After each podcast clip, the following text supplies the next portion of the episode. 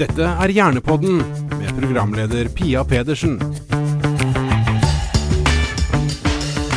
Da er det klart for eh, den femte episoden av Hjernepodden i forbindelse med Hjernehelsekonferansen 2020. I regi av Hjernerådet. I dag så skal vi snakke litt om rusmisbruk, men og, eh, og også kognitive utfordringer ved psykiske lidelser og rus. Nok en gang har vi to veldig fine folk med oss. Eh, først Marius Sjømæling, du er generalsekretær i BAR, Barn av rusmisbrukere. Velkommen. Takk, takk.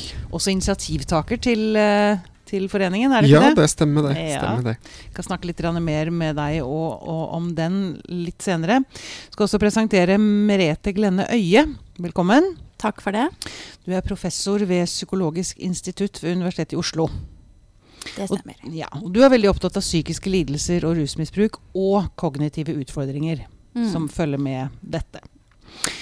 Ja, Marius, altså. Du startet BAR, Barn av rusmisbrukere. Mm. Og det kom vel kanskje som en direkte følge av at du vokste opp med en mor som ruset seg? Mm. Mm. Kan du em, kort fortelle om ditt liv? Mm. Sånn i korte trekk så eh, er jeg fra Trondheim. Eh, eh, ble født i 1984, så jeg er sånn 80-tallsbarn. Av eh, en mamma og en pappa som hadde planer om å bli verdens beste foreldre. Ja. Så gikk det nok litt skeis, eh, tror jeg vi trygt kan si. Eh, de gikk fra hverandre etter et års tid, og mamma eh, falt vel, er det det man sier, jeg, falt litt tilbake til et gammelt miljø fra, fra ungdomstida. Hvor det var en del rus og fest og litt sånn, men i en del år så klarte hun seg fint og hadde jobb og, og på en måte eh, balanserte da, litt sånn festing og rus og, og arbeid. Mm. Og så eh, begynte det å skli ordentlig ut, og da var det jo eh, barnevern og politi og en del sånt. Mm. Og fra jeg har vært en ja, fem-seks år, så har det vært en litt sånn kjent sak at uh, mamma strever med rus. Ehm, så det har vært behandlingsopphold for hennes del. Da har jeg bodd hos mine besteforeldre, og så har jeg drevet og flytta mye fram og tilbake mellom da mine besteforeldre og mamma. Mm. Og etter hvert så, så fikk hun også, når jeg var tenåring, så fikk jeg også en, en eh, psykisk helsediagnose som manisk depressiv, het det vel den gangen. Jeg Mm. tror det ble bipolar, bipolar etter hvert, lidelse etter hvert. Nettopp. Men du opplevde altså ditt første minne som Mm. treåring. Mm. Hva var det? Det var at eh, den daværende kjæresten til mamma banka mamma i gangen i leiligheten vi bodde. Eh, så det er jo det første minnet jeg husker, eh, veldig sånn sterkt og godt, av at hun roper høyt ut 'ikke foran Marius', vær så snill, ikke foran Marius. Mm. Så tror jeg nok at det sitter igjen så godt fordi at um, ja, det var en voldsom opplevelse og mye frykt og redsel, men i det så, så kjente jeg jo også kjærlighet. Altså at mammaen min prøver å beskytte meg. Mm. Eh, Sånn at den tosidigheten da, med både den jeg, har, jeg tror jo ikke jeg har vært så redd noen gang eh, før det. Jeg håper i hvert fall ikke det. Eh, samtidig som at det er så mye kjærlighet. Og hennes forsøk på å beskytte, det tror jeg har gjort at det sitter igjen både som et sånn uh, traume og et, et arr, men, men det, er ikke, det er ikke utelukkende negativt. Nei. Det er noe fint også. Det så var det er en sånn varme og, og en kjærlighet der Ja, i bunnen, kanskje, som kanskje på mange måter redda deg? Ja, jeg, jeg, jeg tror det i hvert fall har vært uh, liksom første brustein for, for vår relasjon og vårt forhold, og hvorfor vi uh, holdt ut sammen, da, hvis man Mm. kan si det sånn. Mm. Du Merete, um, hva skjer med hjernen til et lite barn som utsettes for uh, traumene som Marius her beskriver? Hjernen er under utvikling. Uh, Hjernen er under utvikling, og og det er ikke, ja, og det er ikke noe lett å, å gi noe enkelt svar på det. Uh, det man kan si, er i hvert fall at det å ha eh, trygge eh, oppvekstvilkår er, er viktig. Men det er klart selv, vi vil alle oppleve vanskelige ting i større eller mindre grad. Og hjernen er plastisk, og, så det er vanskelig å forutsi hva følgene blir. Men det er klart, eh, det er ikke gunstig hvis man har med seg mye traumatiske opplevelser i sekken. Eh, Da kan man si for noen barn, så får man en, en skannehjerne som ser etter farer, at noe skal skje igjen, Mm. at noen skal være slem mot mamma. Eh, man sitter kanskje på skolen og hører en politibil ute, eller en sykebil, eh, og, og blir mer opptatt av det, fordi det aktiverer følelsessystemet. Eh, det aktiverer eh, Det kommer som en pil inn i, i tankene veldig raskt. Og, og fylle plassen med redsel og uro. Og da kan det bli vanskelig å ha en lærehjerne. En, en eh, hjerne som følger med, som er rolig, som konsentrerer seg. Sånn at man kan eh, gå glipp av en del viktig kunnskap på skolen eh, fordi man skanner hele tiden for å, å se om noe skummelt kan skje. Ja, man blir litt hyperaktivert, rett og slett. Eh, Rett og slett kan bli hyperaktivert, og for noen barn Mm. så kan det være nok at La oss si man er vokst opp med, med vold, eller at foreldre blir veldig syke og, og, og ligger på sofaen og kanskje ikke orker. Og så kan man bli veldig flink til å følge med på det som skjer rundt den. Eh, hvorfor klirrer det i flasker nå? Hvorfor er mamma sånn i stemmen sin nå? Hvorfor, hvorfor kommer det en bil kjørende utenfor der nå? Og så blir fokuset mer på det der ute og på andre Mm. Enn kanskje inn i seg selv. Ja. På hva trenger jeg, hvordan har jeg det nå, Mm. hva skjer med meg? ja. Så en del kan nok bli litt jeg si, ytre, eh, skanne gjerne, eh, og litt Det kan gå på bekostning av noen ganger, tenker man. Og, og Egne behov. Egne behov, og, og det å stå opp for seg selv, det å kjenne seg selv, det å ha en trygghet i seg selv. Mm. Og, og det er jo forståelig. Ja. Men det er veldig viktig å si at uh, her er det ikke et enkelt svar. Eh, det er mange som eh, kan også ha med seg vonde opplevelser og vokse på det. eh, og, og, og lære mye og klare seg bra. Mm. Sånn at man Ja. ikke på en måte bare eh, på en måte sier at det blir vanskelig. Eh, det, man har mange som på en måte, tross mye man opplever, eh, det er jo Marius også et bevis på, eh, klarer å, å, å seg ganske bra, eller veldig bra, i samfunnet også. Og faktisk det som skjedde deg, Marius, har jo faktisk skapt noe som Mm. faktisk i dag har en veldig stor verdi Mm. for andre. Mm, ja, Mm. absolutt. Og det, det er jo Jeg vil jo ikke jeg sk- jeg skulle gjerne vært det foruten, men jeg ville jo ikke ha bytta det bort i dag. Sant? Altså, for det, det er en så viktig del av meg. Men det er jo, Mm. det er jo klart at um, Jeg skjønner jo i dag som voksen, og, og med den bagasjen jeg har, at hjernen min ble programmert inn på noen kanaler ganske tidlig. Mm. Sånn at det er en automatikk for meg i dag. Hvis jeg hører um, en mann og en dame som krangler, så tenker jeg nå blir hun slått. Hører jeg Ja. en politibil som uler, eller en ambulanse, så tenker jeg nå er det noen som har blitt Mm. eh, voldtatt, slått, drept. Altså, Mm. da- Og dette kjenner du vel nesten i kroppen og Yes, kjenner i det, huden, det liksom. Og så må jeg liksom I dag har jeg jo lært meg å liksom Å ja, nei, rolig nå. Ja, Det kan være, kan være. Sant, at noen har ramla og, og brekt en fot, på Ja, måte. Ja, eh, på tur. Men du, um, Marius, eh, utviklet du lærevansker? Fikk du sleit du på skolen da Ja, du var liten? Ja. Mm. Ja. teoretiske fag har aldri eh, vært eh, min styrke. Eh, norsk og matte og en del av de typiske eh, måte, teoritunge fagene, det har vært utfordrende. Kreative fag og musikk og dans og drama og alt sånt, veldig god på. Og gym? Eh, gym Nei. Nei, ikke fulgt så mye. Jeg har, jeg har vært utstyrt med gymlærere som har vært veldig glad i fotball. Jeg Ja, var litt det var dårlig på fotball. Jeg var veldig god på ballett og jazz. På en Ja, måte. nettopp. Så, nettopp. så, eh, men det, det, altså av de teorifagene så er det vel historie og samfunnshistorie som jeg har eh, gjort det veldig bra i. Og det tror jeg handler om interesse, engasjementet liksom, om samfunnet, og hvorfor er ting sånn som de er. Eh, så det har nok handla mer om sånn eh, urettferdigheten. eh, I å ikke bli sett, eller at barn blir urettferdig behandla. Så, så veldig god på industrielle revolusjon, blant annet. Jeg fikk sekser på den eksamen. Men den var muntlig eksamen, og ikke en skriftlig eksamen. Så, så det er jo noen styrker som ligger der. Men, men skole har vært et, et feilprosjekt for min del. Og det er det jeg sitter igjen med, at det er den arenaen jeg ikke har mestra på. Mm, nettopp. Em, så fikk du diagnosen ADHD, eller Mm. ADHD, jeg vet Mm. ikke helt hvordan man skal uttale det, da du var 25. Mm. Var det en lettelse for deg, eller ble det en ekstra byrde å bære? Litt blanding, tror jeg. Eh, Mm. Fordi at jeg, jeg var egentlig ikke i utgangspunktet et, nysgjerrig på en ADHD-diagnose. Eh, Det var fastlegen min som sa at, eh, at eh, et ledd for å kartlegge innsovningsutfordringer, det kan være nevropsykolog. Og så var jeg hos en nevropsykolog og gjorde test, og altså, jeg holdt på å kjede meg i hjel på time fire. Da, sånn. Men dette orker jeg ikke lenger. For det tar jo tid med sånn utredning og tester. Eh, Og så var det nevropsykologen som sa at, at uh, ja, det viser at du kan muligens ha eh, kriteriene for en ADHD-diagnose, men det må da vurderes videre. Mm. Eh, så ble, ble, det en vurdering og, og, og var inne i psykiatri og DPS og, og, litt sånn. Og så ble det etter mye om og men, i og med at min mamma hadde sin diagnose, så var det mistanke om, om det også. Mm. så det trigga nok mye hos meg sånn sett. Mm. Så ble det satt en ADHD-diagnose. Uh, og når jeg uh, fikk det forklart, så var det en del ting jeg liksom Ja, det stemmer. Ja, mm, mm. ja, men det kan godt hende. Falt litt på plass for Falt litt på plass. Mm. Men jeg var veldig redd for medisineringa, for jeg visste at mamma kanskje hadde brukt litt amfetamin i svangerskapet. Så jeg var, jeg var redd for det, og opplevde vel at det ikke ble tatt helt på alvor.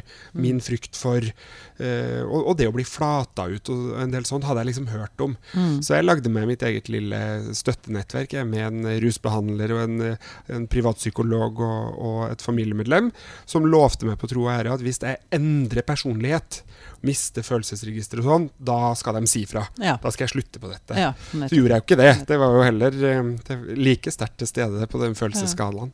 Så, så, sånn sett så var det en, en fin ting, men det var litt sånn Å, å nei, nå Ja typisk er en sånn, sånn med nå ADHD. Sånn, nå har du blitt en diagnostisert, liksom. Ja. Nå er du ikke et vanlig menneske lenger, nå Nei, er du en med sånn, diagnose. Hvor ofte må jeg bruke den diagnosen nå? Ja, ikke sant. Ja. Ikke sant. Eh, den diagnosen hans, ADHD, tror du det er et resultat av eh, traumen han opplevde da han var liten?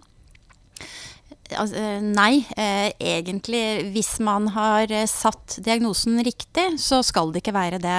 Det er noen eksempler på, på studier, bl.a. på barn i Romania på barnehjem, som var svært alvorlig eh, traumatisert, eh, og hvor man så da en økning av ADHD eller hyperkinetisk forstyrrelse, som vi kaller det i vårt diagnosesystem i Norge.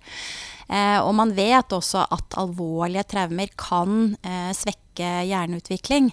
Men eh, jeg, hvis man stiller diagnosen riktig, så sier man at hvis noe annet enn ADHD kan forklare ukonsentrasjon og uro bedre, så skal man først stille den diagnosen og behandle i forhold til det.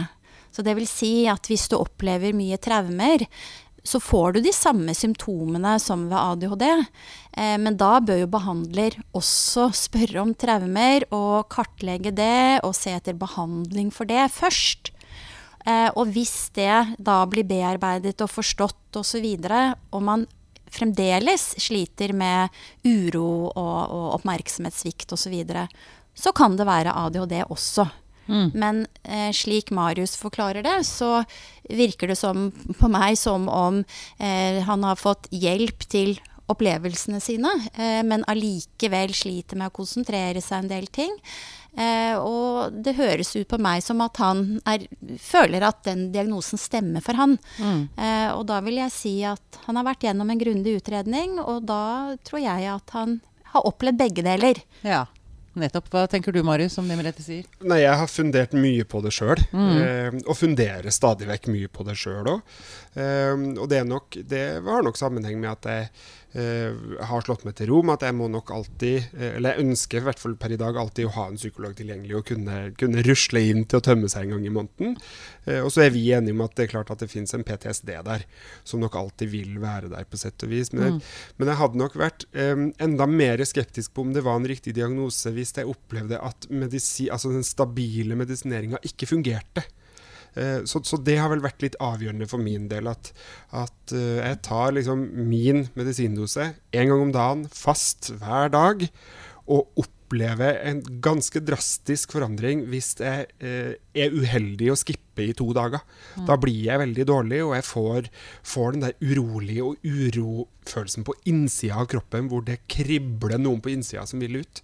Så, så det er klart at jeg opplevde jo et helt annet eh, arbeidshverdag også, når jeg, når jeg på en måte var utreda og, og begynte på medisinering, og opplevde at jeg mestra en del ting som jeg virkelig ikke har fått til før. Mm. Så, så jeg tror det er en ganske riktig diagnose. Ja. Eh, og så styrer den jo ikke mer av mitt hverdagsliv enn en at det påvirker kanskje min samboer mest, da, som ser meg både med og uten medisin. Ja, nettopp. Merete, du ville Ja, jeg tenker også bare å si det er, det er mange uh, mulige årsaker til å få den diagnosen. Og man har jo også arv, og man har jo også, hvis det er rusmisbruk under svangerskap, som er potensielle uh, risikofaktorer for utvikling av uh, ADHD da hos barnet. Så det kan jo være altså flere ting i ditt tilfelle som du nevner, enn at eh, på en måte er de traumene du opplevde. Så, så, men det viktige er jo på en måte det å få god hjelp. Og det er derfor man også har diagnoser. At man skal eh, på en måte se hva trenger du, og, og prøve ut ting til det beste for personen. Eh, og det er klart, hvis la oss si Marius nå hadde masse ubearbeidede traumer, og fikk en ADHD-diagnose og kanskje bare medisiner som behandling, det hadde jo vært veldig ille.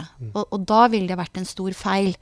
Så, så det å se hele mennesket, opplevelser, eh, gjøre en grundig det som heter anamnese, altså informasjon om utvikling, opplevelser, er veldig viktig. Og dessverre så viser undersøkelser, bl.a. av Pål Surén er det vel, at i Norge så er det veldig ofte at man ikke gjør grundige nok eh, diagnosevurderinger når det gjelder denne diagnosen. Ja, at, man, at man ikke går langt nok bak Ja, eller ser altså hva som kan legge under. Man spør ikke om traumer, man spør ikke om opplevelser, man spør ikke om andre mulige forklaringer Nei. til uro. Fordi de vanskene man har ved denne diagnosen er jo veldig lik ved, ved traumer, ved, ved annen psykisk lidelse, stress i livet og bekymringer osv. Så så det er fort gjort at man ser på symptomene, og så gir man en, eh, en Ja, medisin ja. uten at man egentlig Ja, aner hvem ja. personen er. Men når det er sagt, så er det jo også de som har den diagnosen, eh, og som sliter med den. Eh, så det er, eh, man må på en måte ikke si at, sånn som noen sier, at ADHD fins ikke. Det er bare liv og opplevelser. Eh, jeg har vært i dette feltet i 30 år, og definitivt møtt personer som, som har diagnosen, og som trenger den hjelpen og forståelsen eh, det er i det. Eh, så det er, men det er viktig å, å se hele mennesket og gjøre grundige vurderinger. Mm. Det, det tenker jeg er viktig å få frem. Man kan få en del kognitive vansker når man har ADHD, andre psykiske lidelser eh, eller ved rusmisbruk, rusavhengighet. Først, hva er kognitive vansker, Merete? Ja, altså Det handler jo om, om hjernen. Eh, hjernen kan man ta bilde av, man kan se om det er avvik der. Eh, man kan gjøre forskjellige typer mål, men nevropsykologi, eller det å kartlegge kognisjon, handler om på en måte eh, hvordan hjernen brukes, funksjon. Altså man gjør tester og måler oppmerksomhet, konsentrasjon. Så man ser ikke hjernen, men det er et indirekte mål på hjernens funksjon. Og det handler om språk, evner, oppmerksomhet, planlegging, hukommelse, innlæring. Alle disse funksjonene kaller vi kognisjon. På en måte hjernen som en datamaskin, hvordan den fungerer. Og her har vi alle styrker og svakheter. Så, og, og ved stress og dårlig søvn så vil de fleste av oss få noe reduserte kognitive funksjoner. Det har vi alle merket. Og noen har det mer enn andre. Og ved psykiske lidelser, f.eks. ved ADHD, så, så er det et kriterium at man i hverdagen skal slite med oppmerksomhet. Så det er den eneste psykiske diagnosen hvor det er et krav. Ikke at man skal gjøre det redusert på test. For der kan man gjøre det bra fordi det er strukturert. Men man sliter med oppmerksomhet i hverdagen. Ja, ser du dette, Marius? Kjenner du igjen dette, eller Ja, sliter du med jeg det? gjør det. Eh, På hvilken måte arter det seg? Jeg tror, jeg tror det I dag så er det jo mer eh, på en måte under kontroll, fordi jeg har levd med det såpass lenge og har mine rutiner og verktøy i hverdagen. Men det er klart når jeg ser tilbake på, på kanskje spesielt ungdomstid og, og skole og en del sånt, så ser jeg at, at der hvor hvor mange av elevene, mine medelever og venner, liksom mestra i en del av fagene og undervisninga og sånn, så, så var ikke jeg med, rett og slett. Altså, jeg la merke til helt andre ting. Gjerne ting som ikke hadde noe der å gjøre. Eh, og gjerne det at jeg satt og hadde assosiasjoner til alt annet enn det læreren prøvde å, å gi meg assosiasjon til. Da. så, så, så det er jo noe med å, liksom, det å klare å holde den ene tanken uten å bli forstyrra av 15 ideer. Men vil ikke det, noen kunne kalle dette for god fantasi? Jo, jeg, jeg, tror, jeg tror det er kanskje det òg. Ja, men, passer men, inn. men, Man skal jeg tror ikke at det er litt det der pleier å si, men det er forskjell på det å ha 15 tanker, Mm. eh, for det har jeg sjelden. Men jeg har gjerne én tanke som jeg gjerne skal liksom tenke ordentlig på, og så har jeg 500 ideer. Mm. Og de, de er ikke liksom nødvendigvis sånn kreative, men det, det er sånn planleggingsstadieideer. Så jeg lager meg 500 prosjektskisser på hva jeg skal gjøre, og da mister jeg den ene tanken som jeg skulle. Eh, så, så det er litt sånn å sjonglere med baller. Og så bare, nei, du jøss, her var det sjøstjerner. Eh, og før jeg har rukket komme til de sjøstjernene, så Nei, se, Der epler! det, ja. Altså, så- Og der så det- kom det en fugl! Ja, så det er litt sånn Oi sann, Ja. og jøsses! Eh, og at, og at det, det er mer en sånn opplevelse av at det er en ukontrollerbar forstyrrelse. da. Mm, at jeg, jeg vil gjerne gå til den døra, men jeg kommer meg aldri dit. Nei. For det er så mye annet som noen har putta inn i det rommet. Eh, så, så jeg mister døra, rett og slett. Enda jeg vet at jeg skal dit, jeg bør dit, jeg burde. altså Alt sånn. Nei, det er håpløst. Mm, for det er jo helt umulig for meg altså, du, eh, du kommer jo fint til punktum. Altså, du holder jo Ja. flotte foredrag, og du, ikke sant? du snakker jo helt uten problemer. Altså, ja, ja. Altså, jeg, jeg tenker jo også at jeg kan få litt panikk innimellom og tenke, tenke at oi, oi, oi, hva har skjedd med hukommelsen min? Og hvor, dette med å eh, reise meg opp og på vei inn i et annet rom, og så komme inn i et annet rom, og jeg aner ikke hvorfor jeg gikk dit. Altså, da blir, jo, blir man jo redd, og det, men dette opplever kanskje alle ofte, egentlig. Det Kanskje jo eldre man blir. Det opplever alle, og jo eldre man blir, så opplever man det eh, mer. Fordi man er jo på topp i slutten av 20-årene, og så går det litt eh, nedover etter det. Men ikke, det raser ikke, det gjør det ikke. Men jeg tror det som er viktig å få frem, er at har man gode evner, så er man også gode ofte til å kompensere for vanskene. Eh, man tar seg sammen. Man skjønner hva man må gjøre. Eh, man har kanskje en kjæreste som er den som tar og minner på at nå må vi betale regninger. Eh, og, og på en måte eh, kan stå i det uten at det merkes. Det som ofte skjer, er at disse personene da kan bli litt mer slitne enn andre. Det kan sette seg i musklene, at man får mer smerter. Eh, man kanskje sover dårligere, fordi når man legger seg, tenker man har jeg husket alt? Gjorde jeg det jeg skulle? Ideer kan poppe opp i hodet. Så det er ikke alltid sånn at det, at det ses. Derfor kaller vi det jo også en, en skjult funksjonshemming for en del. Så det er ikke nok å, å, å se på en person og si nei, du sliter ikke med kognisjon. Du snakker jo så godt for deg. Du har jo nådd mange mål. Men hvor sliten er du? Hvor mye hjelp har du fått på skolen til lekser? Måtte du sitte kveld etter kveld mens de andre var ute og lekte for å klare det samme? Så, så det er ikke nok å, å på en måte observere. Det, det er viktig. Og så er det som eh, Marius sier, at eh, mennesker, eh, særlig med diagnosen ADHD, er jo ofte kreative mennesker, morsomme mennesker, kan finne på ting, morsomme å være sammen med. Eh, men eh, det er kanskje ikke de som Altså, de jobbet i et reklamebyrå, bør de være med i den kreative fasen, men kanskje ikke på fullføringen alltid. Høres ganske ikke gjenkjennelig ut. Så det betyr jo at man må finne sin plass og sine ressurser, og, og på en måte prøve å finne sin plass i samfunnet hvor nettopp det blir verdsatt. Og så får man se ok, så er det noe som jeg ikke er like god på. Og, så, eh, og det høres jo litt ut som at du har skjønt det. Eh, og jeg må si jeg har fulgt eh, unge gutter med ADHD i 25 år. Jeg testet dem når de var ungdommer, når de var i 20-årene, og nå nærmer de seg 40. Og det flere av de eh, sier til meg, det er at eh, de har eh, Dette var bare gutter, da. Fått seg kjærester, koner, som er ganske gode på å organisere og planlegge. Ja. Og så sier de at men vi, de trenger oss, fordi vi finner på ting og drar de litt ut av rutinelivet og er litt sprø ideer kanskje, osv. Og så liker de å planlegge, og da kan de gjøre det. Så vi fungerer bra sammen. Høres ut som fantastiske matcher. Men det, um, det jeg vet er at altså, hvis man sliter kognitivt, så kan man ofte føle seg dum uten at man er det.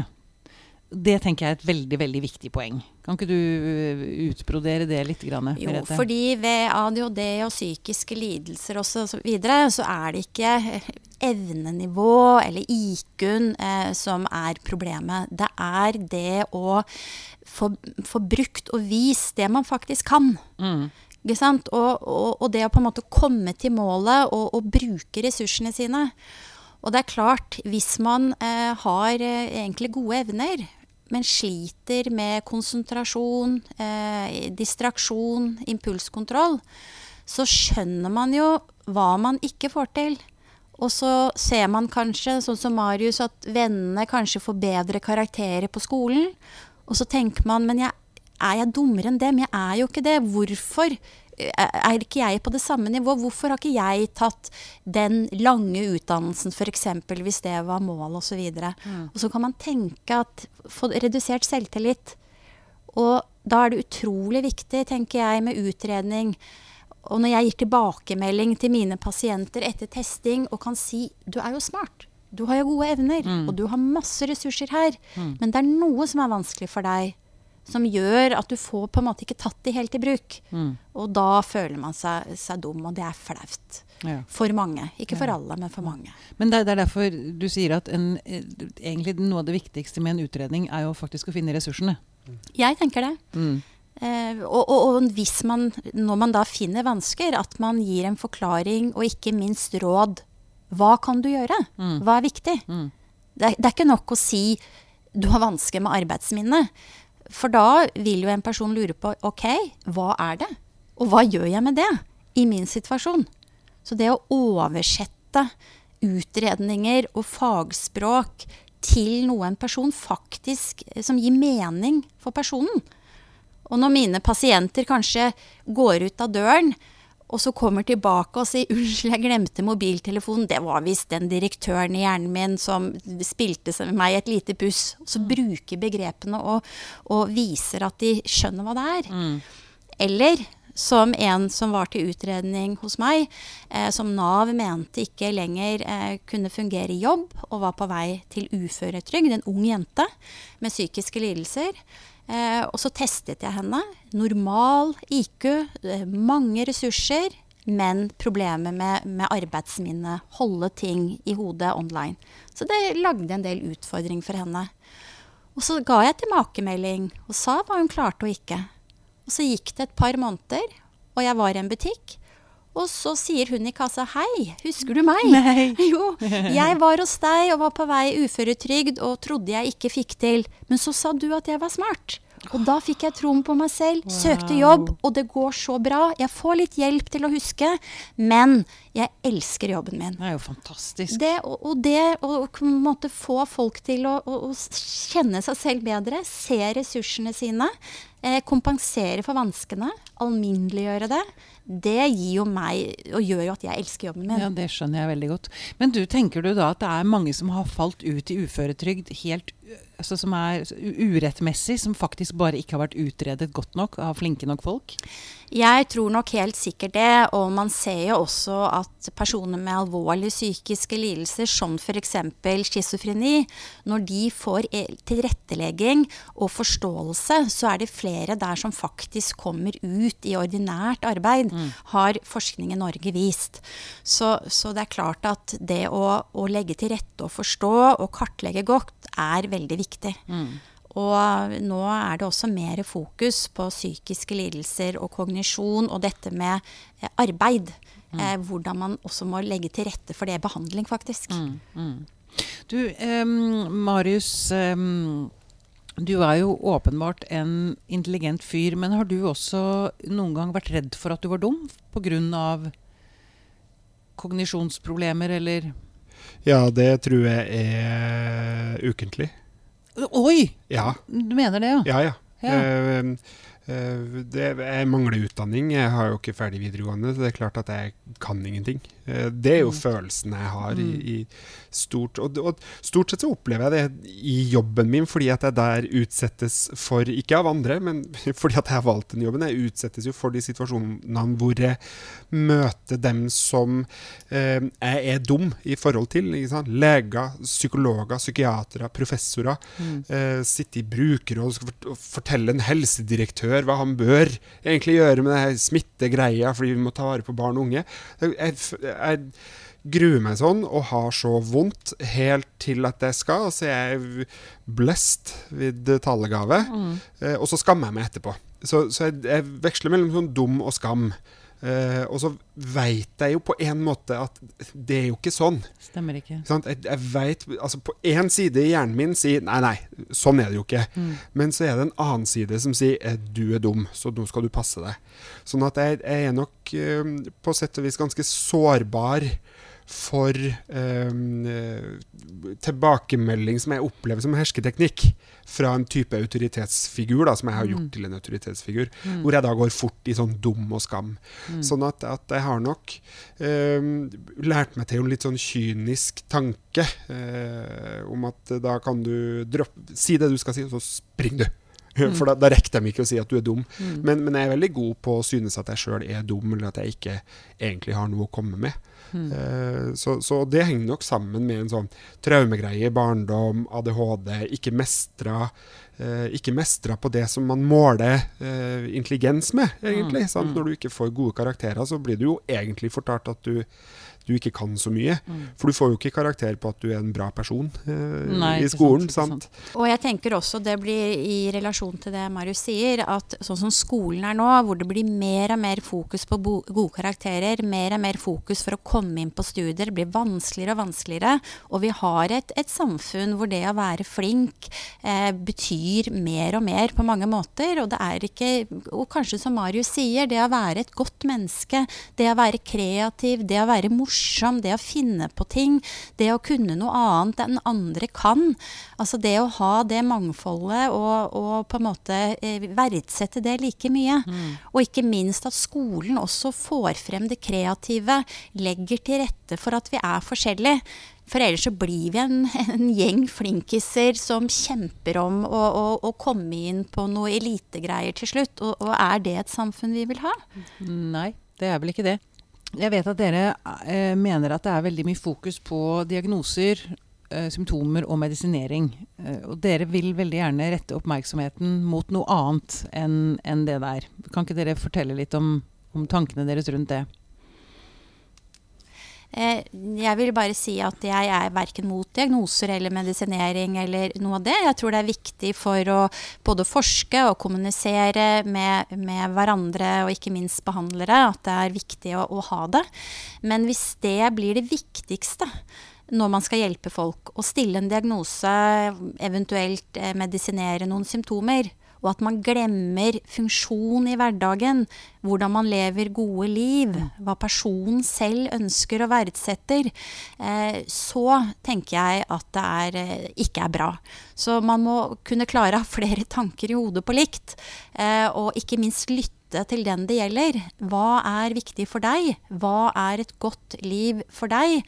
Hvordan kan vi hjelpe deg å nå det? Og så kan man også kanskje si at dine symptomer passer til den diagnosen, men du er deg, og det er mange i denne diagnosesekken som er veldig forskjellig. Sånn at eh, man på en måte forklarer hvorfor man har diagnoser, og, og bruker det deretter. Men ikke sier at du har ADHD, derfor forklarer vi alt det du har gjort ut ifra det. Mm. som en pasient sa til meg, at jeg får høre det hele tiden, men jeg lurer på hvem er meg? Utenom ADHD.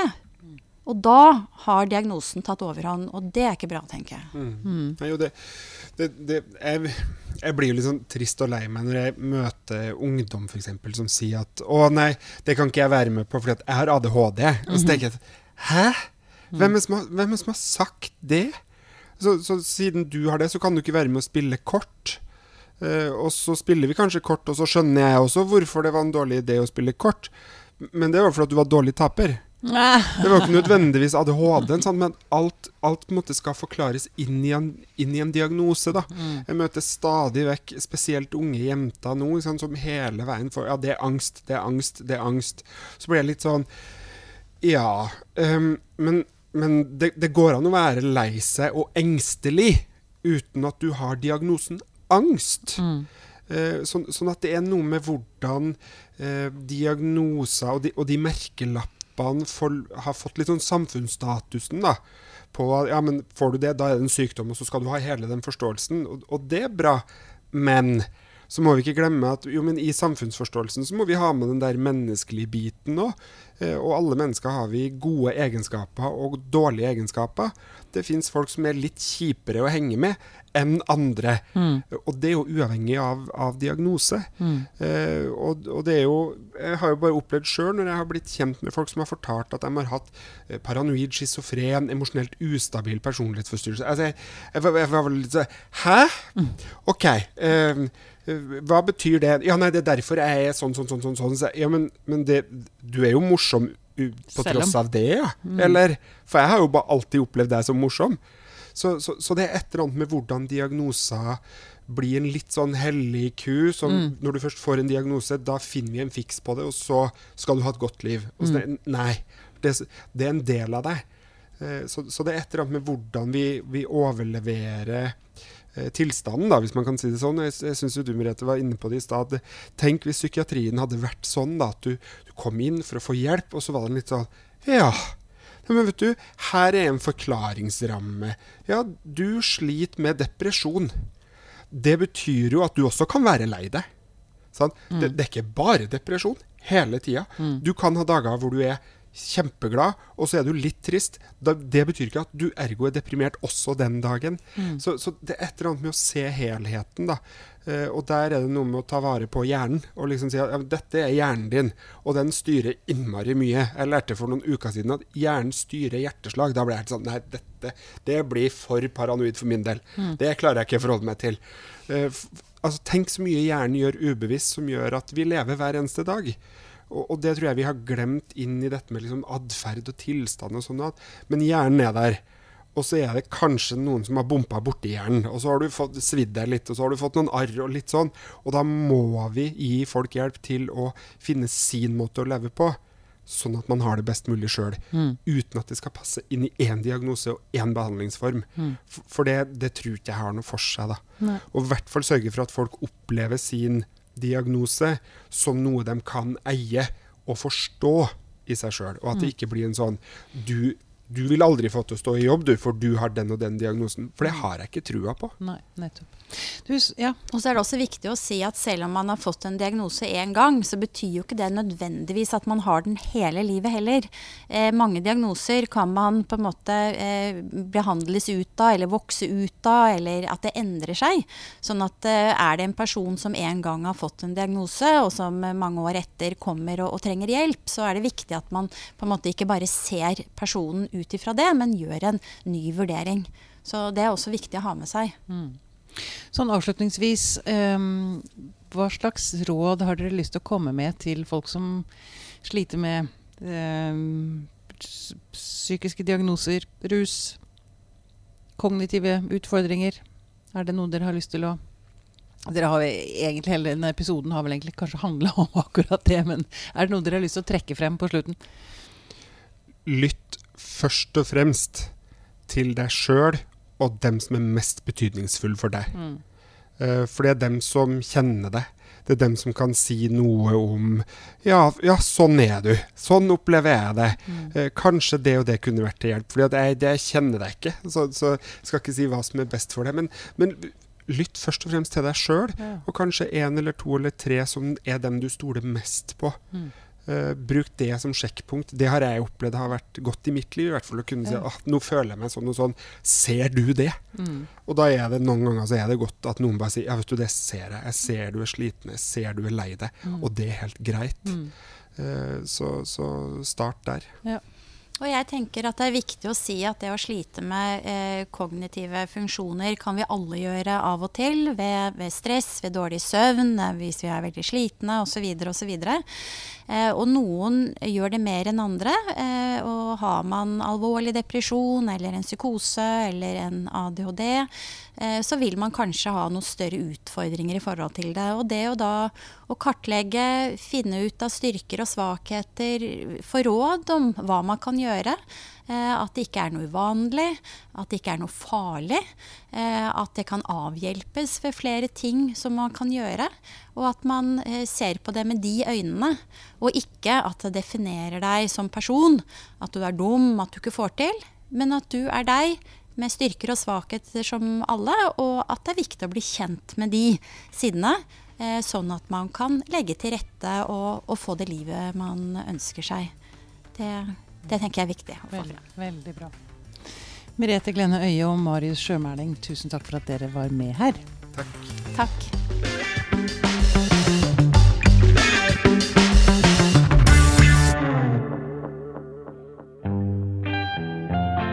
Denne Podkasten er produsert av Tid og Lyst.